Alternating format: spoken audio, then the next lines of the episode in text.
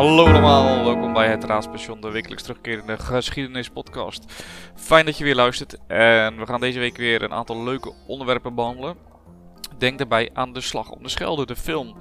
En uh, ja, ik heb hem gezien en ik ga jullie meenemen in wat ik ervan vond en hoe ik ervan vond en nou ja, dat soort zaken. Een stukje achtergrondinformatie ook, hè, want De Slag om de Schelde is niet super bekend, dus ook dat ga ik behandelen. Maar laten we eerst snel gaan naar de luisterpost.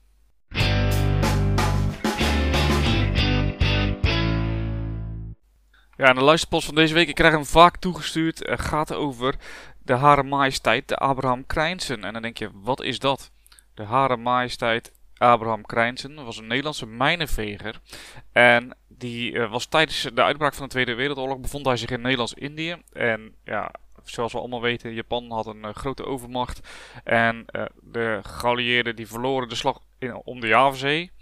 En uh, ja, de Nederlandse marine gaf deze, uh, Abraham Krijnsen, gaf die, uh, de opdracht om naar Australië te vertrekken. Nou kennen we allemaal het plaatje van de Nederlandse, van de Nederlandse mijnenveren die met allemaal camouflage, ja, die je bijna niet ziet in die foto. Ik zal de foto ook delen op, op social media. Ik heb het al wel een keer gedaan volgens mij. Ehm, en eigenlijk kreeg ik die foto weer toegestuurd hè, met daarbij een Engelse tekst. Hè, de, de Nederlandse mijnenveger heeft uh, zo lang de Japanners uh, ontweken door te doen alsof het een eiland was. Nou, ik vond dat uh, interessant, dus ik, dus ik heb dat opgezocht. En het ging dus om die Abraham Krijnsen. En in, in maart 1942 begon die Abraham Krijnsen begon onder leiding van luitenant ter zee Anthony van Meert de voorbereidingen om naar Australië over te steken. Nou, als eerste werd het schip geschilderd, uiteraard in camouflagekleuren. Daarnaast met behulp van netten en takken en ander groen materiaal ja, vermomden ze eigenlijk dat schip als een tropisch eiland. En uh, op 6 maart vertrokken ze. En eerst gingen ze naar Surabaya. Uh, om dan vanuit daar naar uh, Australië te varen. En we zien dat er twee andere mijnenvegers, dat die werden gespot door de Japanners. Die waren ongecamoufleerd. En de commandant van de Abraham Krijnse besloot om voor anker te gaan. En eigenlijk alleen s'nachts te varen. Dus wat er op het plaatje staat, dat klopt. Hè. Hij, lag overdag verankerd, uh, verkleed als, of vermomd als een tropisch eiland. En s'nachts deed hij uh, verder varen. Nou, en we zien dat hij op een gegeven moment uh, op 15 maart 1942 dan uiteindelijk in Australië aankomt. Dus het is gelukt om de Japanners te ontwijken door ja, het schip te vermommen als tropisch eiland en s'nachts alleen te varen. Um, na de Tweede Wereldoorlog werd het, werd het schip ingezet als patrouilleschip in Nederlands-Indië. En um, na de onafhankelijkheid van Nederlands-Indië werd het schip weer gebruikt als uh, mijnenveger. En nadat Nederlands-Indië onafhankelijk werd, werd het in 1961 aan zeekadetten uh, in bruiklijn gegeven. En in 1995 werd besloten om de Abraham Krijntje voor het nageslacht te bewaren. Dus hij bestaat nog steeds. En hij is sinds 1997 dan ook te zien als museumschip voor het, voor het publiek. En hij is te bezichtigen in het Marinemuseum in Den Helder. Dus als je volgende keer naar Den Helder gaat, naar het uh, Marine museum weet je precies het verhaal achter ja, dit drijvende tropische eiland eigenlijk. Daarnaast kreeg ik als luisterpost uh, ja, eigenlijk een aantal complimenten voor de vorige podcast. Hè, dat, dat het fijn was dat het neutraal uh, was, werd opgenomen. Ik hoop dat, dat uh, iedereen dat zo heeft ervaren. Ik heb in ieder geval geen negatieve reacties gehad. Um, dus bedankt in ieder geval voor de feedback. Uh, mochten jullie nou een luisterpost hebben of feedback hebben voor mij, stuur die dan naar geschiedenis.paulushistoricus.nl of zoek mij op op een van de sociaal, uh, socials. Social, sociale socials. Dus dat. Facebook, Instagram, Twitter. Je kent het wel. En dan gaan we door met het nieuws.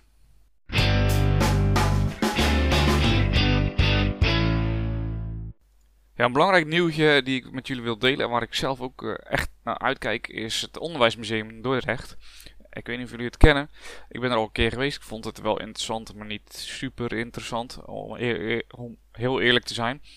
Maar tot, um, ik dacht, oktober 2021 is er een tentoonstelling over nazi-propaganda voor de jeugd in 1933, tussen 1933 en 1945. En die is dus te bezichtigen in het Nationaal Onderwijsmuseum in, uh, hier in Dordrecht. Dus dat is natuurlijk super interessant, want daarin wordt eigenlijk een beeld geschetst van ja, wat gebruikte hè, de nazi-partij nou om ervoor te zorgen dat de jeugd geïndoctrineerd was en alleen voor dat nazi-ideaal wilde sterven. Er zit natuurlijk ook een stuk antisemitisme bij, rassenleer, dat soort zaken. Dus dat is super interessant om te zien.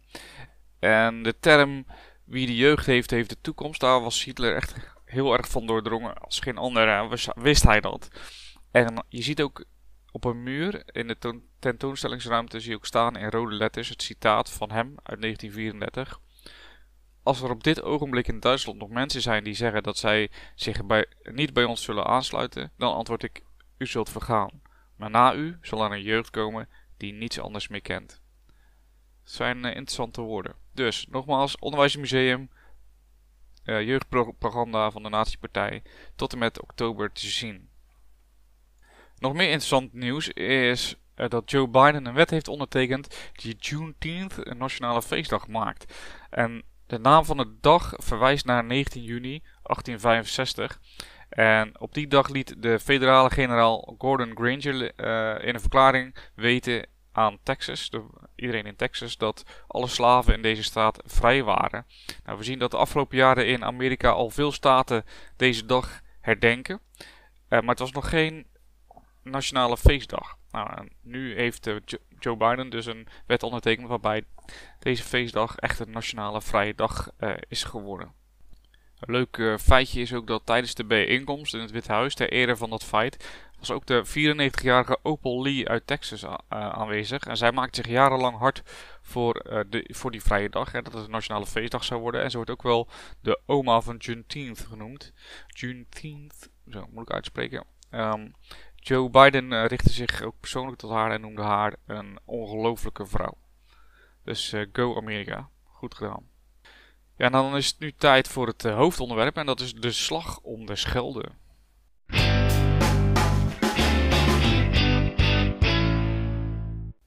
Ja, de slag om de Schelde is een niet zo'n bekende slag van de Tweede Wereldoorlog, maar zeker niet onbelangrijk.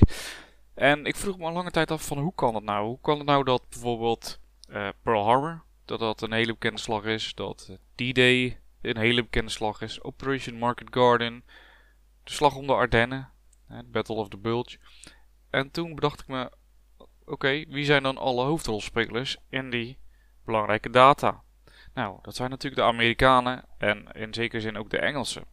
En toen dacht ik, ah, logisch. Want de slag om de Schelde werd gevochten door het Canadese eerste leger onder commando van luitenant-generaal Guy Simmons.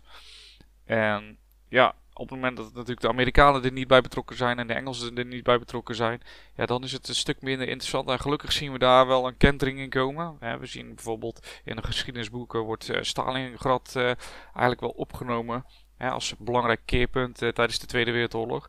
Maar de Slag om de Schelde is dus nog een beetje onbekend. Mooi dus dat daar een film over gemaakt is, een Nederlandse film.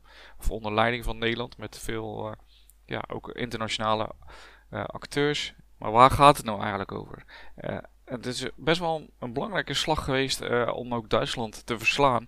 En we zien natuurlijk op 6 juni 1944, die day weet iedereen, Canadese, Britten, Amerikanen landen op vier verschillende stranden in Normandië. En ja, ze veroveren heel snel een groot deel van, uh, van Frankrijk. Of veroveren, bevrijden moet ik zeggen. En ze komen op een gegeven moment ook aan in België. En ze veroveren op uh, eh, 4 september veroveren ze uh, Antwerpen. En Antwerpen is, een, is de tweede grootste haven van Europa. Met ongeveer 45 kilometer aan dokken en kades. En die veroverden ze best wel, ja, was vrij intact. Hè. De haven was, was niet beschadigd, dus ze konden hem goed gebruiken. Nou ja, uh, iedereen die een beetje verstand heeft van oorlogsvoering, weet natuurlijk dat op het moment dat jij troepen ergens heen stuurt, dat je ze ook moet bevoorraden. Hè? In eerste instantie in, uh, in de havens van, uh, op, bij de stranden van Normandië. Daar hebben ze grote bruggen gebouwd met havens en echt duizenden tonnen met, met bevoorrading werden daar aan land gereden. Maar op een gegeven moment is dat natuurlijk heel ver weg. ik ben naar Normandië gereden, dat is 12 uur rijden. Dus kun je nagaan, als je al die bevoorrading vanuit D-Day, vanuit die havens, dat je die naar boven moet krijgen naar uh, Zuid-Nederland, of België, Zuid-Nederland. En zeker op het moment dat Operation Market Garden van slag ging, moesten de troepen echt snel bevoorraad kunnen worden. Dus op 12 oktober 1944 kreeg het Canadese eerste leger, zoals ik net al zei, de opdracht om de Scheldemonding te zuiveren. Want wat is het geval? Je kan Antwerpen wel als haven hebben. En die kan je wel uh, mooi inzetten om daar uh, schepen heen te varen en van daaruit de troep te bevoorraden. Maar de Scheldemonding, die was nog bezet door de Duitsers. Dus op het moment dat je daar voer met je ja, brandstofschip of munitieschip of troepenschip of whatever, wat voor schip dan ook, hè, bevoorradingsschip, dan ben je gewoon vanaf de kade ben je gewoon kapot geschoten. Uh, dus de geallieerde schepen konden de haven niet bereiken. En eigenlijk zien we dit ook hè, op het moment dat, dat uh, de, de, Verenigde Nederlanden, de zeven Verenigde Nederlanden, dat zij Antwerpen blokkeren door de Scheldemonding te blokkeren. Dat zagen we in die tijd ook, in de Gouden Eeuw. En hier zien we dat weer gebeuren, maar dit keer door de Duitsers. Dus die Schelde, die moest bevrijd worden. Nou, het plan om die Scheldermonning te bevrijden, hè, om die om Scheldermonning te openen, bestond uit vier operaties. De eerste operatie was het bevrijden van het gebied ten noorden van Antwerpen om de toegang tot het schiereiland Zuid-Beveland veilig te stellen. De tweede was het opruimen van de Breskens Pockets, zoals ze noemden.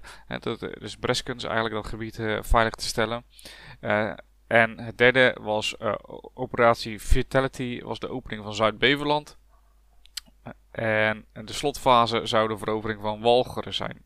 En Walcheren was echt door de Duitsers in een hele sterke vesting veranderd. En dat Walcheren, dat stukje, dat is eigenlijk wat je ook terugziet in de film.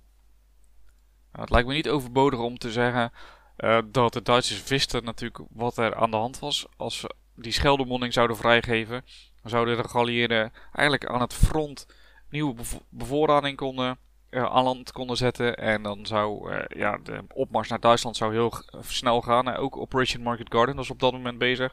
Dus ze probeerden natuurlijk die, een brughoofd te vestigen bij Arnhem, bij de, bij de bruggen in Arnhem. Zodat ze een route hadden om direct naar Berlijn door te stoten. Um, ja, dus het belang van die Oost-Scheldemonding was heel duidelijk, ook voor de Duitsers. En zoals ik al zei, hadden ze heel Walcheren omgebouwd tot een fort.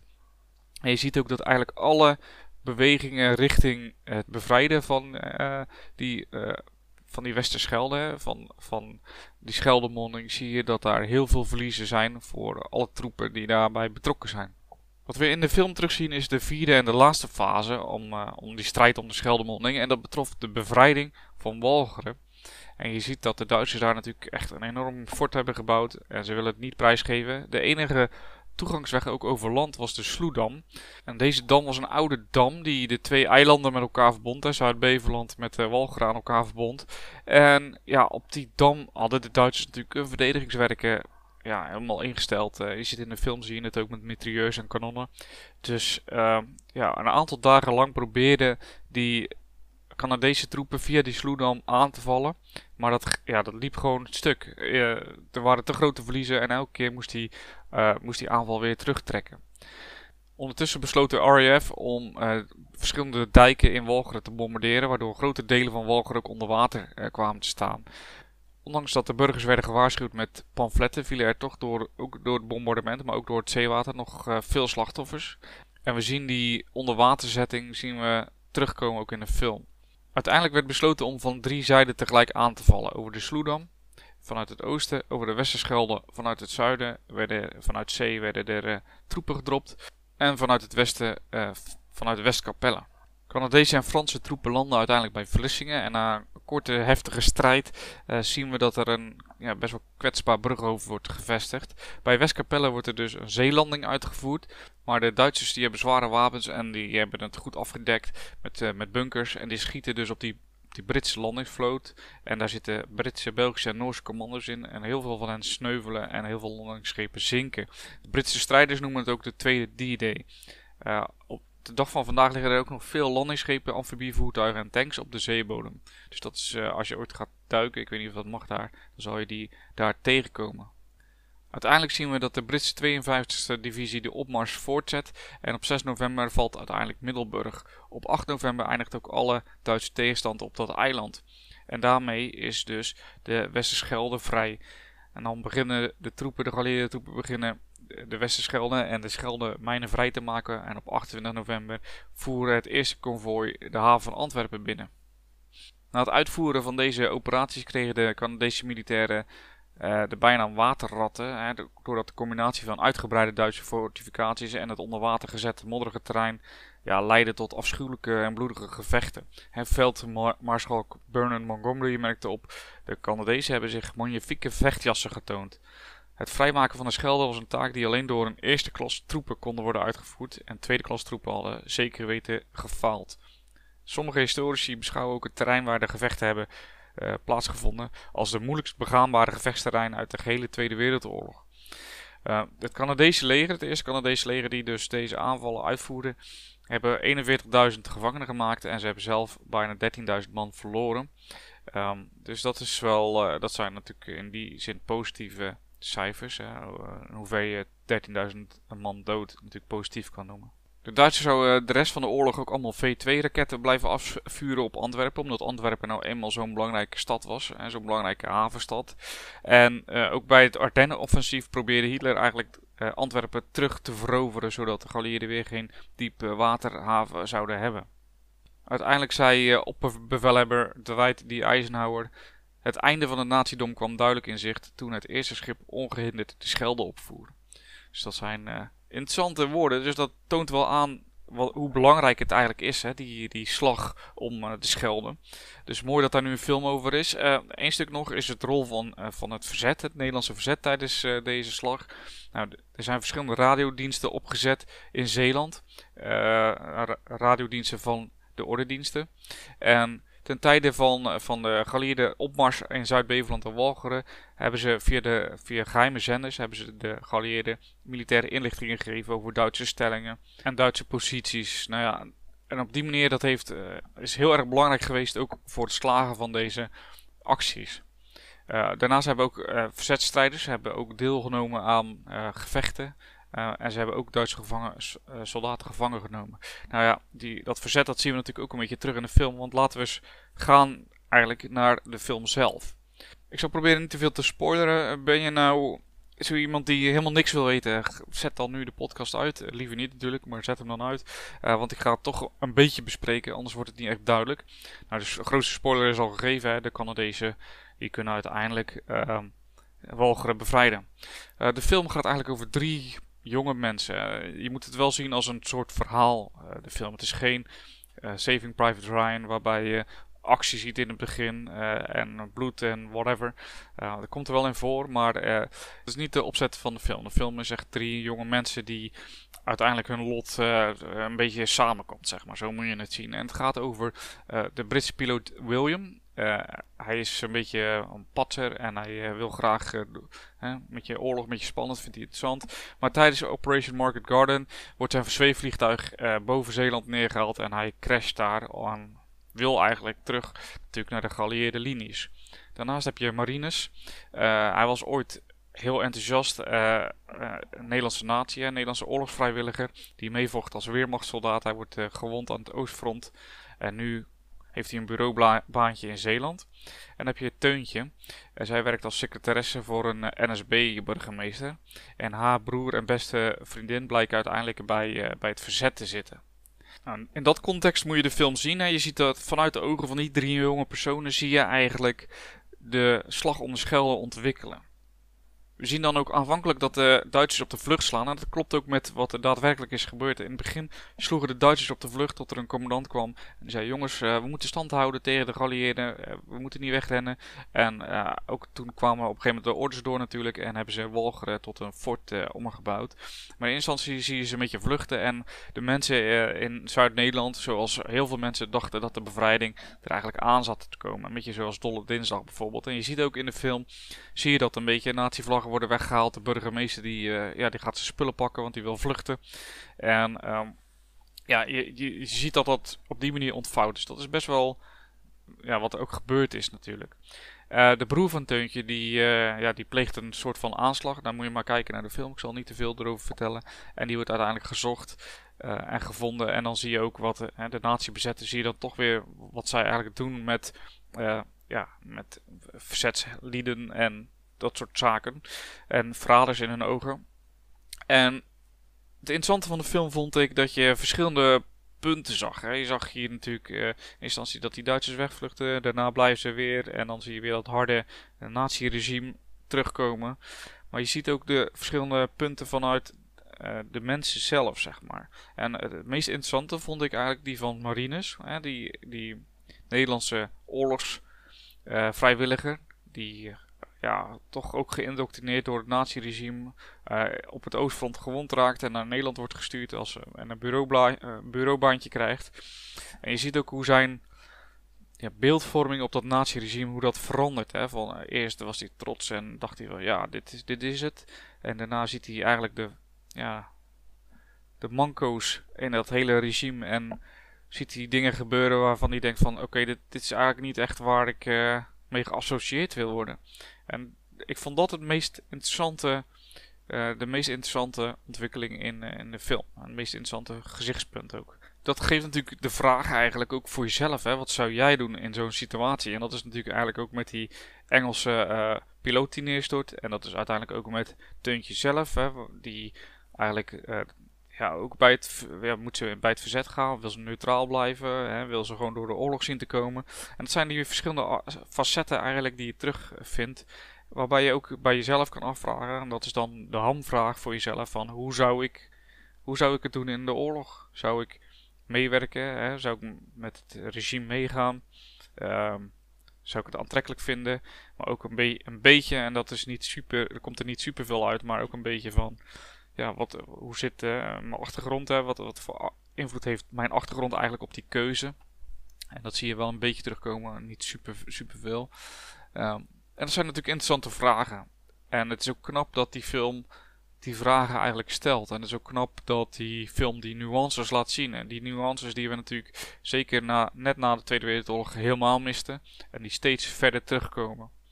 Um, uiteindelijk uh, komt er wel actie hè, met de de, de Sloedam, die slag om de Sloedam.